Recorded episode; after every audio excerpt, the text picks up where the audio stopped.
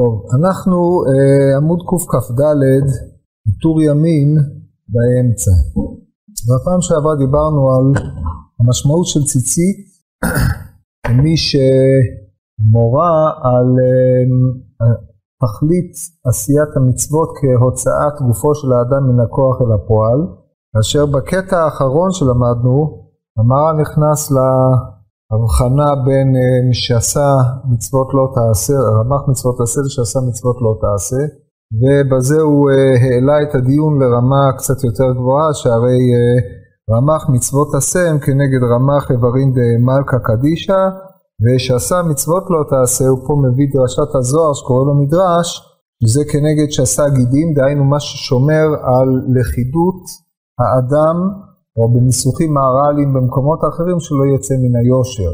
אם כן, זה משלים את uh, מעלתו של האדם על ידי, אם על ידי uh, um, זיכוך האיברים הפנימיים שלו שהם ערוכים כנגד האיברים החיצוניים, שזה הרמ"ח, ועל ידי שמירתם מהיפגעות ביציאה על ידי שמירת השסה לא תעשה. לאחר מכן כותב המהר"ל, ויש בבגדו שבו מכסה גופו ציצית העטים מן הבגד, מורה על יציאה לפועל במצוות, וכל זה מורה על מצוות ציצית. זה כבר הוא אמר קודם.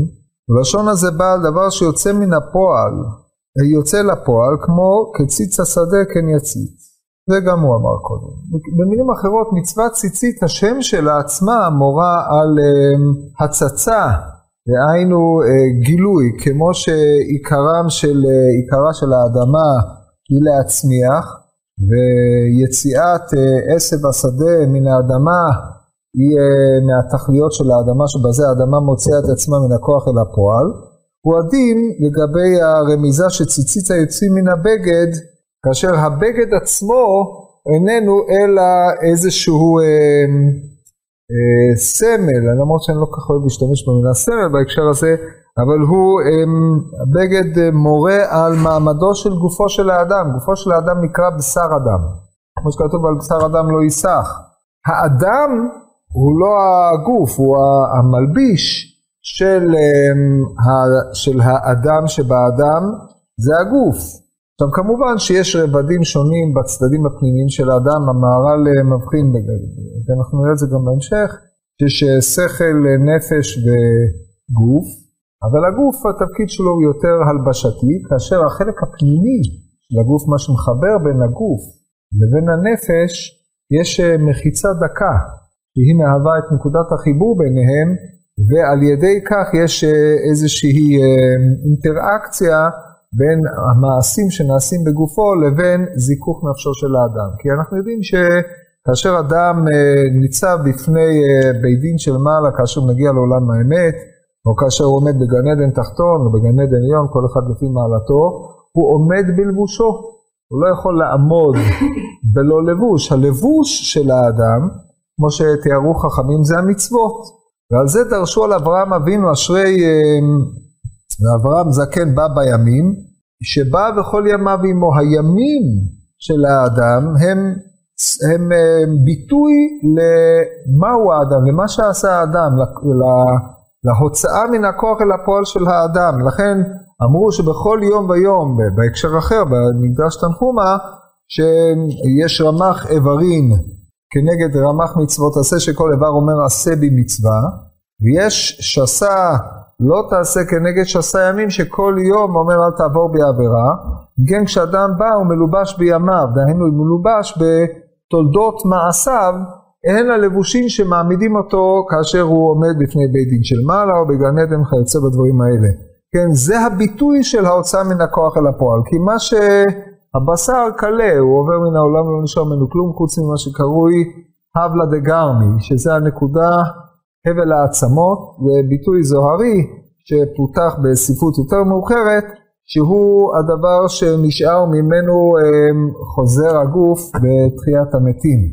זה חורג בענייננו, אבל מה שחשוב לענייננו זה אמ, ההוצאה מן הכוח אל הפועל מעמידה את האדם על אה, מעשה המצווה. מעשה המצווה, שוב, הוא תיקון לכל איבר, כל מצווה כנגד האיבר שלה, ומצווה שאין אה, כשאדם לא יכול לקיים אותה, אז אנחנו יודעים ש...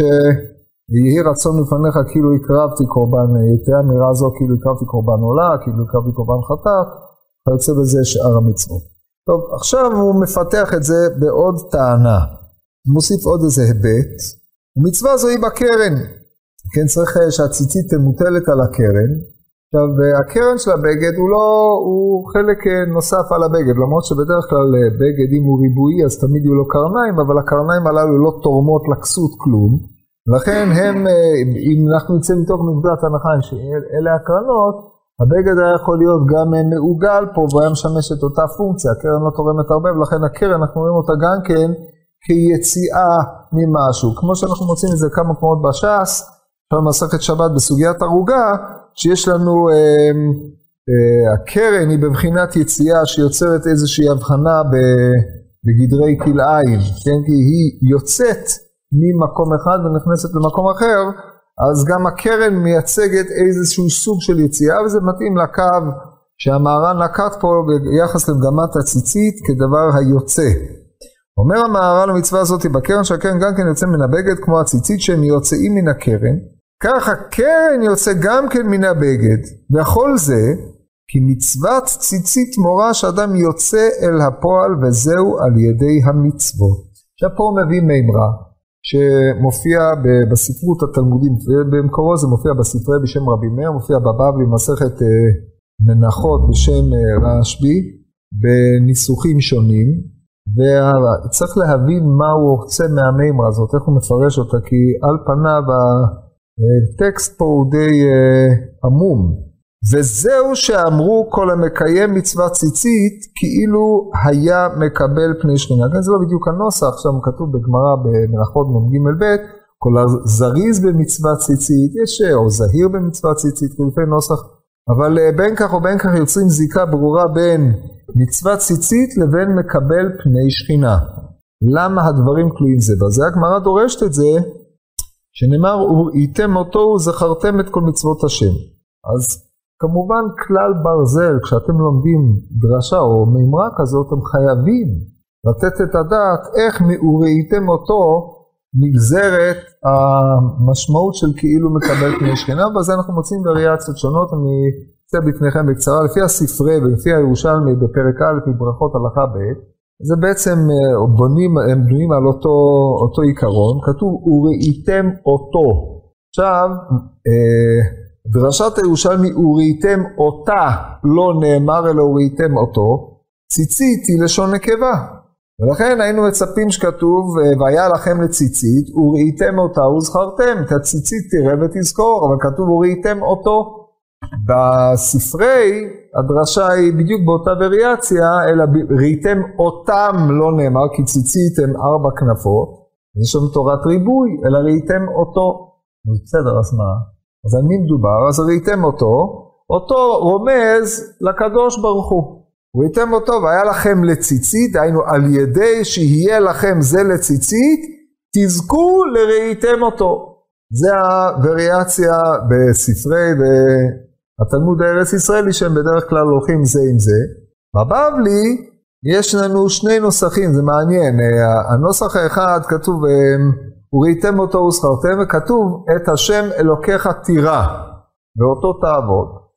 זה מה שמופיע בבבלי בגמרא. מה, מה הקשר בין וזכרתם, ראיתם את כל מצוות השם וזכרתם, ראיתם את כל מצוות השם, וראיתם אותו וזכרתם את כל מצוות השם, לבין את השם אלוקיך תירא.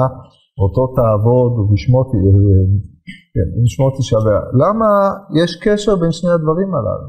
אז לולי, באופן יותר פשוט, הבעל הלכות גדולות מביא דרשה, מביא, כתוב כאן, וראיתם אותו וזכרתם, וכתוב שם, ויראו את אלוקי ישראל ותחת רגליו כמעשה לבנת הספיר, ומשווים את ראיית אלוקי ישראל, שכידוע מדרש הכתוב הזה לשבח ולגנאי, כן, יש, אה, לפי האונקלוס, זה מדרש לשבח, לפי התנחום המדרש לגנאי, מי שזוכר מרש על התורה, אז הוא כנראה הולך למגמת שבח. אבל אם נחזור לדרשה שמופיעה בבבלי, זה מה שמצוי אצלנו בספרים, אז כנראה יש איזשהו סוג של גזירה שווה. כתוב וראיתם אותו וכתוב את השם אלוקיך תירא ואותו תעבוד.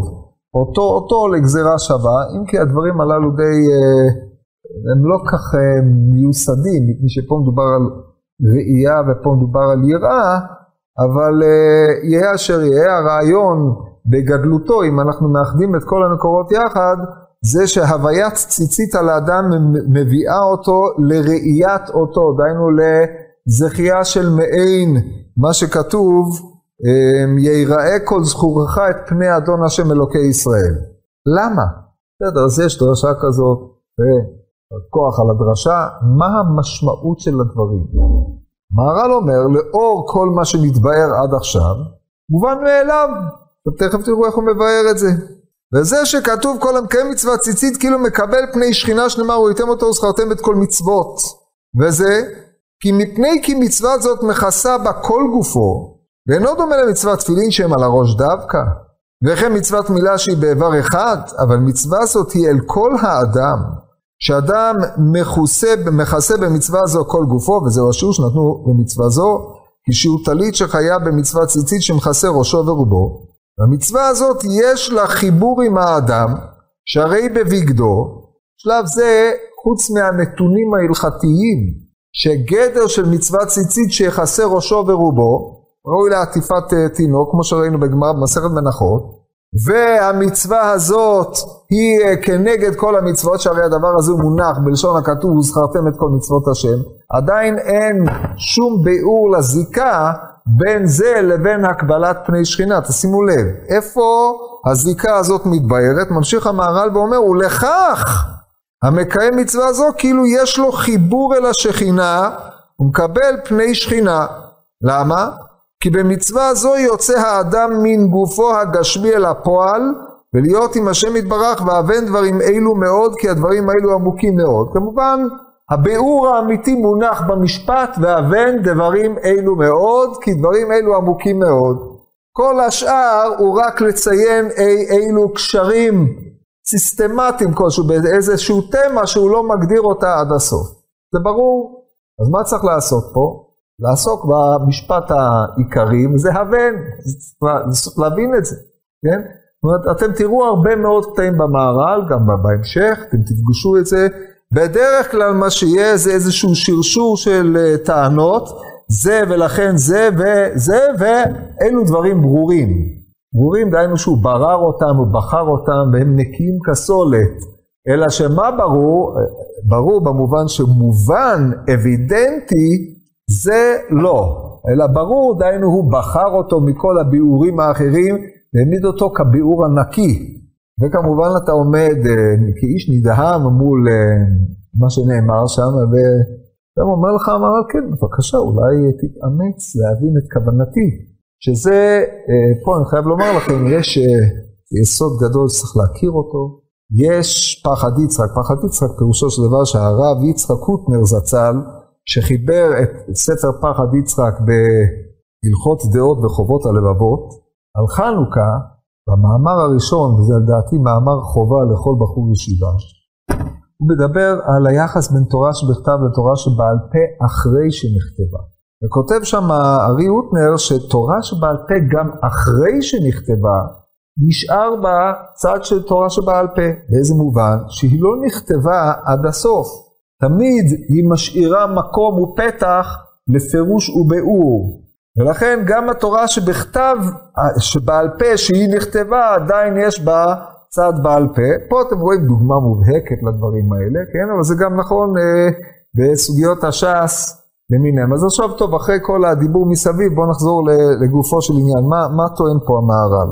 נחזור לכתוב, וראיתם אותו וזכרתם את כל מצוות השם. תשימו לב שדרשת, ה, לפי האופן שבו המהר"ל מפרש, בעצם צריך לפרש את העניין להפך, דהיינו על ידי וזכרתם את כל מצוות השם אתם זוכים לראיתם אותו. שהרי אמרנו בפעם שעברה שעניין לבישת הבגד וכל התפיסה הסמלית היא אצל המהר"ל לא מספקת, דהיינו לא מספיק לראות את הציצית כסמל, אלא לבישת הציצית מתוך תודעה שהיא מזכירה את כל מצוות השם ומנכיחה את תודעת המצווה בפני האדם הלובש, כך שהאדם הוא כבר בתהליך של יציאה אל הפועל. כן, דיברנו בפעם שעברה על, על ההבחנה בין היותו יוצא אל הפועל, יוצא זה הולך ויוצא, לבין היותו יוצא אל הפועל לגמרי. עשיית המצווה היא בבחינה מסוימת יציאה לפועל לגמרי. התודעה על מוכנות לקיים את המצוות כאשר הם הזדמנו בפני האדם, או הזכרתן של המצוות והנכחתן מבחינה תודעתית בפני האדם בלבישת אותו הבגד, היא היותו יוצא לפועל, הוא בתהליך של יציאה אל, של לכשתזדמן לו המצווה הזאת או המצווה הזאת, הוא יקיים אותה. אז הוא בש, בשלב של יוצא, כן, כי אנחנו מכירים במונחים, ביחסי כוח פועל, זה מונח אה, ביניים מאוד חשוב. יש אה, רמות שונות של בכוח, או מעבר בין בכוח אל בפועל, בכל, בכל עניין תהליכי. האדם בכלל, כמו שהסברנו בפעם שעברה, כל חייו הם תהליך של יציאה מן הכוח אל הפועל, זה אחד מהיסודות הגדולים של, אה, שעליהם מבוסס ספר מורה נבוכים בתפיסתו של הרמב"ם. המהר"ל, שהוא כמובן בהקשר הזה מחזיק בעמדתו של הרמב"ם, חוזר על זה הרבה מאוד פעמים בספריו. הציצית בלבישתם מתוך התודעה שהם אמורים להזכיר את מצוות השם, הם מעמידים את האדם בעמדת יוצא מן הכוח אל הפועל. זאת אומרת, זה לא איזה בגד שאתה לובש ושוכח, כמו שאמרנו בפעם שעברה, או מוציא את הציציות שלך החוצה ועושה עם זה מה שאתה רוצה לכאן או לכאן, זה לא מספיק. לבישת הציצית, או בהקשר אה, היותר פרטי, לבישת הטלית על האדם, זה לבוש מלכות. בפנימיות, טלית היא בבחינת מלכות, ותפילין, כמו שהוא ידבר, זה בחינת תפארת. העמדת המלכות, וזכרתם את כל מצוות השם, מלבד זה, שכמו שאמרנו לפי תפיסת הרמח"ל בדרך השם בסוף, שציצית זה לבושה דמלכה, הרי שלפי שיטת המהר"ל הציצית היא, היא כבר מימוש של התפקיד של הגוף של האדם, או הזיכוך של הגוף על ידי עשיית המצוות. גם אם אתה לא עושה אותם בפועל כי הן לא עומדות בפניך, אבל אתה מעמיד את עצמך מוכן לעשיית המצוות, זה תיקון כלל גופו של האדם. עכשיו, מה התכלית תיקון כלל גופו של האדם? התכלית העיקרית היא העמידה בפני המלך. אדם יכול להיות, כמו משל הארמון של הרמב"ם במורה, אדם יכול להיות רחוק מאוד מהקדוש ברוך הוא, אדם יכול להיות קרוב מאוד אל הקדוש ברוך הוא. הקרבה או ראיית או קבלת פני שכינה זה העמדת, העמידה בפני המלך. כאשר אדם נמצא בתפילה, הוא עומד, יראה עצמו כאילו עומד בפני שכינה, ככה מסביר הרמב"ם בד' ט"ו בהלכות אה, תפילה. אם כן, הלבישה של הציצית שהיא העמדת זיכרון מצוות השם והעמדתו כיציאתו מן הכוח אל הפועל, היא עמידתו לפני המלך המצווה כמוכן לעשות את רצונו. וזה המשמעות של הקבלת פני שכינה. עכשיו הדבר הזה מתחבר באופן ישיר עם משמעות המלכות, כי שכינה היא מלכות כידוע. ולכן אתה עומד או אתה מעמיד את עצמך בפני המלך ומוכן לקבל עליך את מה שהוא אומר. לכן יטוב וזכרתם את כל מצוות השם זה יש קבלת עול מצוות אבל מלבד קבלת עול מצוות יש את הפירוט שכל מצווה או מצווה, ציצית היא כאומרת, אני מוכן לעשות עכשיו כל מצווה או מצווה, מזומן לעשות כל מצווה או מצווה. הזמנתו לעשות כל מצווה או מצווה, זה הגבלת פני שכינה שעליו הוא מדבר פה. אז בזה אפשר יהיה לסכם את אה, עניין הציצית, אנחנו עוברים לתפילין. עכשיו באופן מעניין, המהר"ל פה מדבר ברוב הפסקה הבאה, או שתי הפסקאות, התפילין של ראש, ואילו תפילין של יד זה מוצנע בסוף. אין מקומות אחרים שמדבר על זה יותר, אבל זה ה... אנחנו עכשיו נדבר על עניין של תפילין של ראש. הסיבה היא, מפני שהכל נסמך על הכתוב, בכל עת יהיו בגדיך לבנים, ושמן על ראשך לא יחסר. היות בגדו של האדם לבן, בגד זך. מהו בגדו של האדם כמובן? הגוף, הגוף שלו. לזכך את גופו בכל עת יהיו בגדיך לבנים. עכשיו כמובן אה, גופו של האדם, הבשר והאין, אנחנו לא מדברים על הדברים האלה, אנחנו מדברים על, ה, על הלבוש הפנימי, שהוא מה שקרוי הגוף, שבו מתייצב האדם לפני בוראו, הוא צריך להיות מלובן ונקי, וזה על ידי שימוש בגוף החומרי שיש לו לאדם בעשיית המצוות, בזה הוא מזכך את גופו ומתקין את איבריו. אומר המהר"ל ואמר בשמן על ראשך לא יחסר, דבר זה על יציאת הכוח השכלי אל הפועל, כי השכל הוא במוח שבראש, והשכל יוצא לפועל עד שיש לו דבקות בו יתברך, ולכן על הראש קשורים הם התפילין, והתפילין נקראים שם השם, כדכתיב ראו כל עמי הארץ כשם השם נקרא עליך וירא ראו ממך, כי יש על האדם להוציא שכלו אל פועל השלימות, ובשביל זה אדם דבק בו יתברך לגמרי, כמו שדרשו, את השם אלוקיך תירא לרבות תלמידי חכמים. וכבר פירשנו למעלה בנתיב התורה שאין יותר דבקות וקישור בו יתברך כמו התורה. ולכן מצוות תפילין הוא שיוצא שכלו בתורה אל השלימות עד שהוא דבק בו. וזה אומרם במחילתא מניח תפילין כקורא בתורה. כן, כתוב שם עוד קטע אחד, כתוב הקורא בתורה פטור מלהניח תפילין. זה כתוב, משני צדדים. כן, זה מצדיק את uh, מה שאנחנו היום, uh, מנהג uh, שפעם לא היה נהוג ככה, אבל uh, היום רוב קהילות ישראל יושבים רוב היום בלי תפילין. זה בגלל uh, הגמרא במסכת שבת במ"ט, ועוד אי אילו עניינים, פעם בכלל לא לבשו תפילין, עד שצעק על זה הסמ"ג בהלכות תפילין, והחזיר עטרה ליושנה בתקופת הגאונים, רוב האנשים לא נהגו ללבוש תפילין. ביטול מצוות עשה, זה חמור מאוד. אבל הם סמכו על זה שתפילין צריכים גוף נקי כאישה בעל כנפיים, והם פרשו גוף נקי, לא... אמר, אביי אמר שלא יפיח בהם, רבא אמר שישן בהם, והוא אמר שלא יפיח בהם.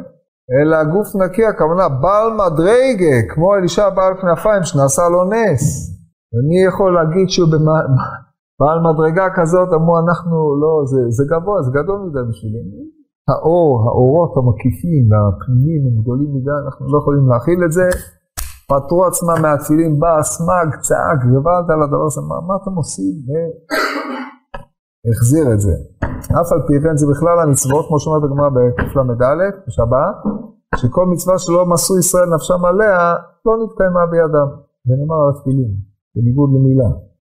טוב, אבל uh, המצווה תפילין היא מצווה עצומה, כתוב השם עליהם יחיו. ומי שתפילין על ראשו זה 21 שמות נמצאים על ראשו של אדם, זה יותר במעלה מהציץ שנמצא על מצחו של כהן גדול, עד כדי כך העלו את העניינים הללו. אומרת הגמרא, מה שכתוב, וראו עמי הארץ כי שם השם נקרא עליך ויראו ממך, אמר רבי אליעזר הגדול, אילו תפילין שבראש, שם השם נקרא על האדם. עכשיו כמובן, כמו שאמרנו גם בפעמים הקודמות, פה לא מדובר על הפעולה הזאת של הנחת תפילין, שאתה מניח את זה על הראש ואתה שוכח שיש לך את זה על הראש, כי זה פעולה, זה איזה סוג ריטואל שאתה עושה כל יום ואתה שוכח מזה, אלא אתה צריך אדם, צריך להיות מודע לעובדה שהוא נמצא עם תפילין, מעוטר בתפילין, שם השם עליו. אומר הרמב"ם, כל זמן שאדם אה, לבוש בתפילין וציצית, אז הוא ענה ושפל רוח ועוד אילו מעלות בסוף הלכות תפילין. ולכן אה, גם פה אנחנו אה, צריכים להסביר את כוונת הדברים בהקשר של תודעה ברורה מה עניינם של התפילין. תפילין זה לשון התקשרות. כמו נפתולי אלוקים נפתלתי עם אחותי גם יכולתי, זה אותו שורש, זה לשון התחברות. התפילין זה נקודת החיבור שבין האדם לקדוש ברוך הוא, אבל זה תפילין שבראש, הם מורים על יציאת השכל מן הכוח אל הפועל. עכשיו כמובן שאדם שלובש תפילין הוא עם הארץ מדאורייתא מדרבנן ולא פתח ספר מימיו, אין שום קשר בינו לבין הקדוש ברוך הוא, כי נקודת ההתקשרות בין האדם לבין בוראו היא או בעשיית מצוותיו או בלימוד תורתו, כאשר לימוד תורתו זה הקשר היותר נעלה. הלא כה דברי כאש נאום השם שפוצץ הלאה. הגילוי של הקדוש ברוך הוא בעולם הוא על ידי דברו. ודי להזכיר את מדרשי שיר השירים בהתחלה על הפסוק ישקני מנשיקות פיהו כי טובים דודיך מיין מה זה נשיקות פיהו? זה הדיבור האלוקי ששמעו ישראל על הר סיני שלא פסק והוא מתקיים בתורה. ולכן מי שלומד את התורה בעיונו, בשכלו, אין לך חיבור ודיבור גדול מזה, כמו שאומר האדמו"ר הזקן באלף, בליקוטי המרים ד' ועוד מאוד כמה מקומות, שזה הדבקות היותר גדולה באחדות שכל, משכיל ומושכל, כאשר אדם עוסק בדבר האלוקי, בעיון של הדבר האלוקי ושכלו מלביש את הדבר והדבר הזה מלביש את שכלו, זה הדבקות הנעלה ביותר שיש, הוא כמחבק המלך בלבושו, כך לשון האדמו"ר הזקן. אשר על כן, אין לך דבקות יותר גדולה מזאת. התפילין, לבושם של התפילין הוא איננו לימוד התורה. אז כשהוא אומר פה שהלובש את התפילין הרי הוא כמוציא שכלו מן הכוח אל הפועל, זה עובד בדיוק באותה מתכונת כמו מי שלובש ציצית, זה כמוציא גופו מן הכוח אל הפועל, בדיוק כמו שהסברנו במתכונת הקודמת. דהיינו העמדת האדם כמוכן לקלוט את דברי התורה או כמעמיד את שכלו להבין את דבר האל יתברך. זה הרעיון של מוציא משכלו אל הפועל. לכן הוא מעמיד את הצו האלוקי כביכול שם השם עליו, אם uh, משתמש במטבעות רמב"מיות, זה, זה ממש תפור פה, אמרתי לכם את זה כמה פעמים, יסודות גדולים ביותר הם בדברי הרמב"ם, בחלק ג' ממורה נבוכים, פרק נ"ב, שמועתק בשולחן ערוך, סימן א' ברמה, אמ, אין ישיבתו של האדם בביתו כישיבתו לפני ולא תנועתו ולא עסקיו בביתו כישיבתו ושיחתו עם בני ביתו כישיבתו לפני מלך גדול. מי זה המלך הגדול? אומר הרי מה? זה השכינה. אומר הרמב"ם, זה השכל, לא האינטליגנציה האנושית שיכולה להיות מלאה טיפשות כרימון. כן, יש אנשים עם איי-קיו גבוה אבל הם טיפשים כמו נעל, יש מלא כאלה צערנו הרב, סתומים שאי אפשר להסביר. השכל שאנחנו מדברים עליו זה השכל האלוקי השופע על האדם. הוא החיבור בינינו ובינו יתעלה, כך אומר הרמב"ם. ועל זה נאמר כי עמך מקור חיים, באורך נראה אור. זה השכל שעליו מדובר פה, והשכל הזה שאדם מפעיל את השכל שיש בו, שהוא שכל יולני, להבין את דברי התורה, הקדוש ברוך הוא משפיע לו דעת, כמו שכתוב הבא לטהר, מסייעין אותו. הקדוש ברוך הוא משפיע בו דעת, להבין את דבריו, ועל ידי זה הוא דבק בו יתברך. על שכל הזה אנחנו מדברים. כאשר אדם לובש תפילין, והתפילין הם שם השם שנקרא עליו, כביכול משעבד את כוחות שכלו, כמו שאנחנו אומרים, אה, מי שאומר את היהי רצון לפני התפילין, שעבד את, אה, שבא, את השכל שבמוח אל אה, להשם וכו', אז הדברים הללו, השיעבוד הזה, הוא, התחיל, הוא היציאה מן הכוח אל הפועל. המימוש או הגמר של היציאה הזאת היא בלימוד ובהידבקות הממשית בזמן הלימוד.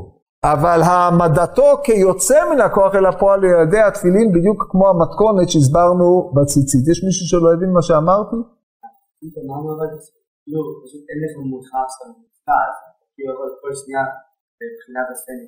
גם התפילין בזמן שאתה מתפלל שמונה עשרה, או בזמן שאתה מהלך בדרך, אלא אם כן אתה שונה דברי תורה, בזמן שאתה מדבר עם מישהו, או שאתה עושה איזה משהו עם התפילין מונחות עליך, לא, בזמן שאתה לומד, אז בוודאי זה כך, וזה אבל ציטטתי את החלק השני למחילתא, הוא לא הביא, כתוב, תפתח את המחילתא רגע, תכתוב אה, שהוא קורא בתורה, תכתוב קורא בתורה, שהוא קורא בתורה, כן, אה?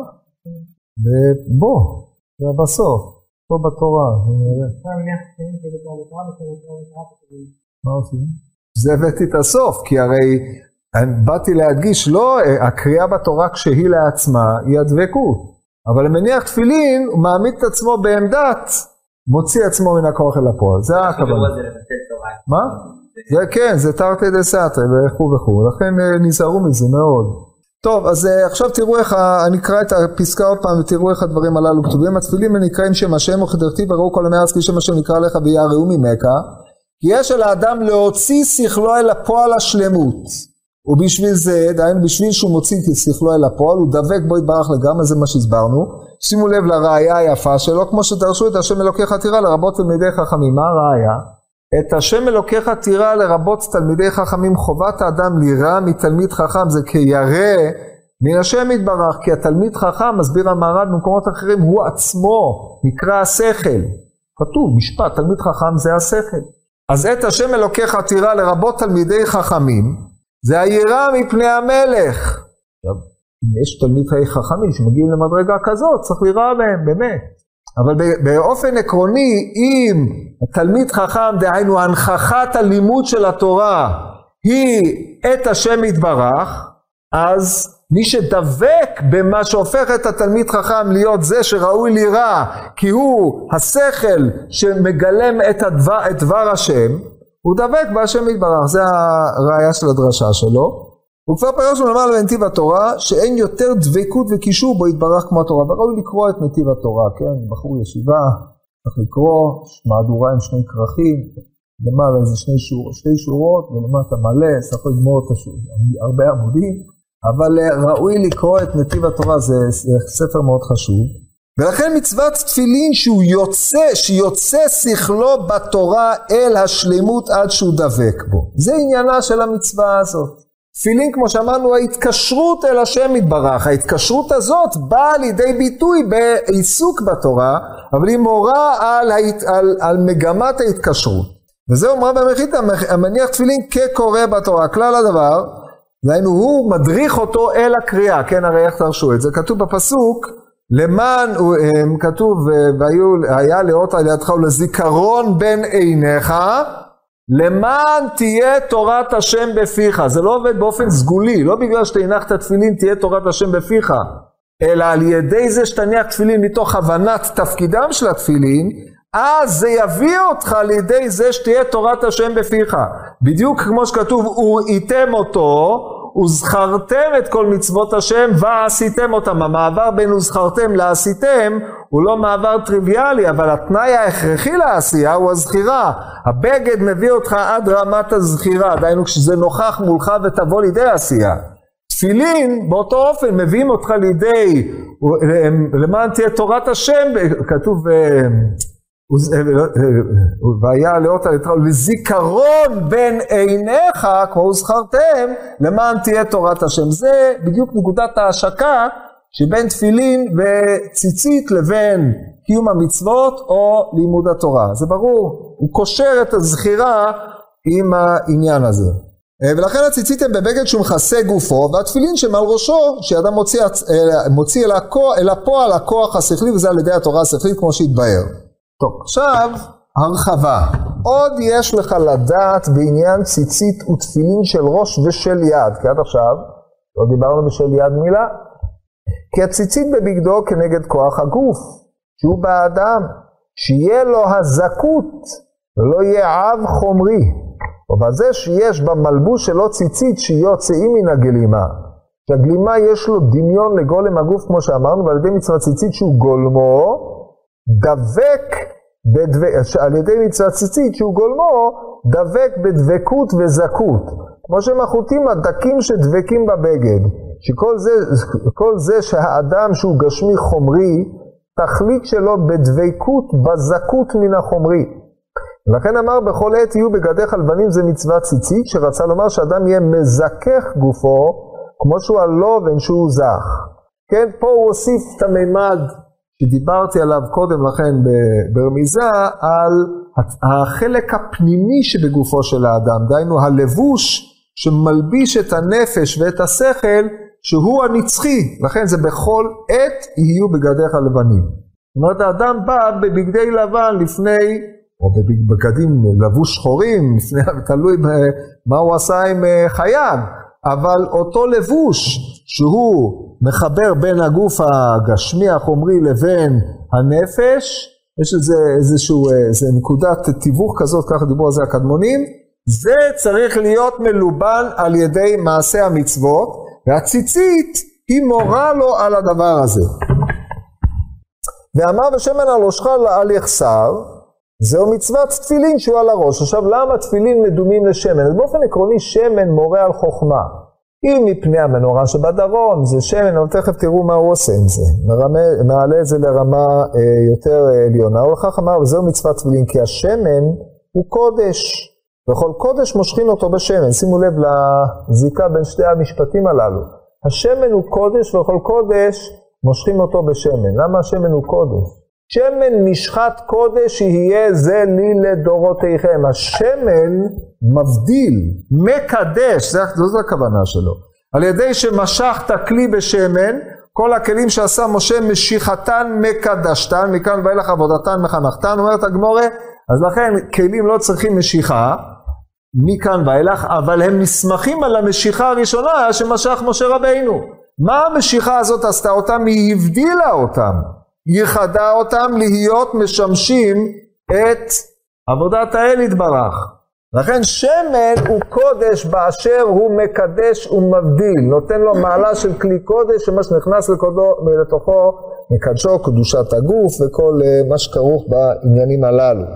ודבר זה, טוב עכשיו נחזור לשמן על ראשו, ולכן קרם שמן כי כל דבר קדוש מקדשין אותו בשמן, שהוא קדוש, אותו דבר כהן גדול או מלך אה, מקדשין אותו, דהיינו מבדילין אותו, מייחדים אותו להיות בתור שכזה, לעשות את השליחות שלו בתור שכזה. אה, ודבר זה מורה שיקדש אדם עצמו בקדושה. ואילו שניהם רמז הכתוב במה שאמר הכתוב בכל עת יהיו בגדיך לבנים ושמן על ראשך לא יחסר שהם שני דברים מחולקים אחד לגוף של הציצית והתפילין שעל הראש ואל כוח השכלי שיש לו דבקות בקדושה אלוקית פה הכניס מוטיב הוא דיבר עליו קודם. עד עכשיו דיברנו על מושגי היציאה מן הכוח אל הפועל. ביחס לבגד הקבלת פני שכינה מידה לפני המלך כמו שדיברנו. כאן דיברנו על מושג הזכות הטהרה. זה בחינת הציצית היא מתארת, מזככת, אבל כמו שאתם יודעים, במסילת ישרים, יש לנו את הטהרה, את הזכות, את הנקי, נקי וזך וטהור, אבל מעלה מעליהם, או סוף המעלות, זאת הקדושה. אתם יודעים על מה אני מדבר? יש מישהו שלא קרא את הספר הזה? ספר חובה בכל הישיבות. כבר אה, אמר רב זונדל מסלנט, לריס אלנטר, מסילת כל הספרי המוסר טובים ומסילת ישרים יהם מנהיגך, ככה פורסם. אז אתם תסתכלו איך אה, המסילה הזאת בנויה, והסוף שער הקדושה, שער הקדושה זה מעלה יתרה. אדם מקדש עצמו לאט, אומרת הגמרא ביום בל"ט, אדם מקדש עצמו מעט, מקדשין אותו הרבה. הקדושה היא מתנה, תחילתו, לשון הרמח"ל שמה, תחילתו עבודה וסופו מתנה, ומי שמקדש אותו זה הקדוש ברוך הוא, והרי מקרא מעלה דיבר הכתוב, והתקדישתם, והייתם קדושים כי קדוש אני השם אלוקיכם.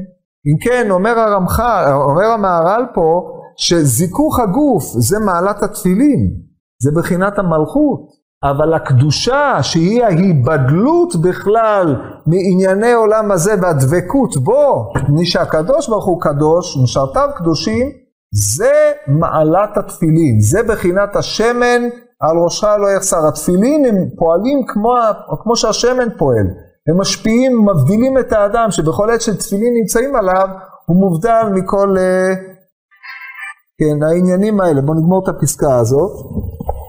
ואלו אה, שניהם רמז הכתוב במה שאמר בכל עת בגדיך לבנים ושמן על ראשך לא יחסר, ואלו שני דברים מחולקים, אחד לגוף הם הציצית, והתפילין שעל הראש הם כוח השכלי שיש לו דבקות בקדושה אלוקית, והתפילין שעל היד, שאמרנו עד עכשיו ולא דיבר עליהם, נסיים את זה בקצרה, הם כנגד הלב, ששם הנפש, שיש של נפש דבקות בקדושה גם כן, לכן זה תפילין.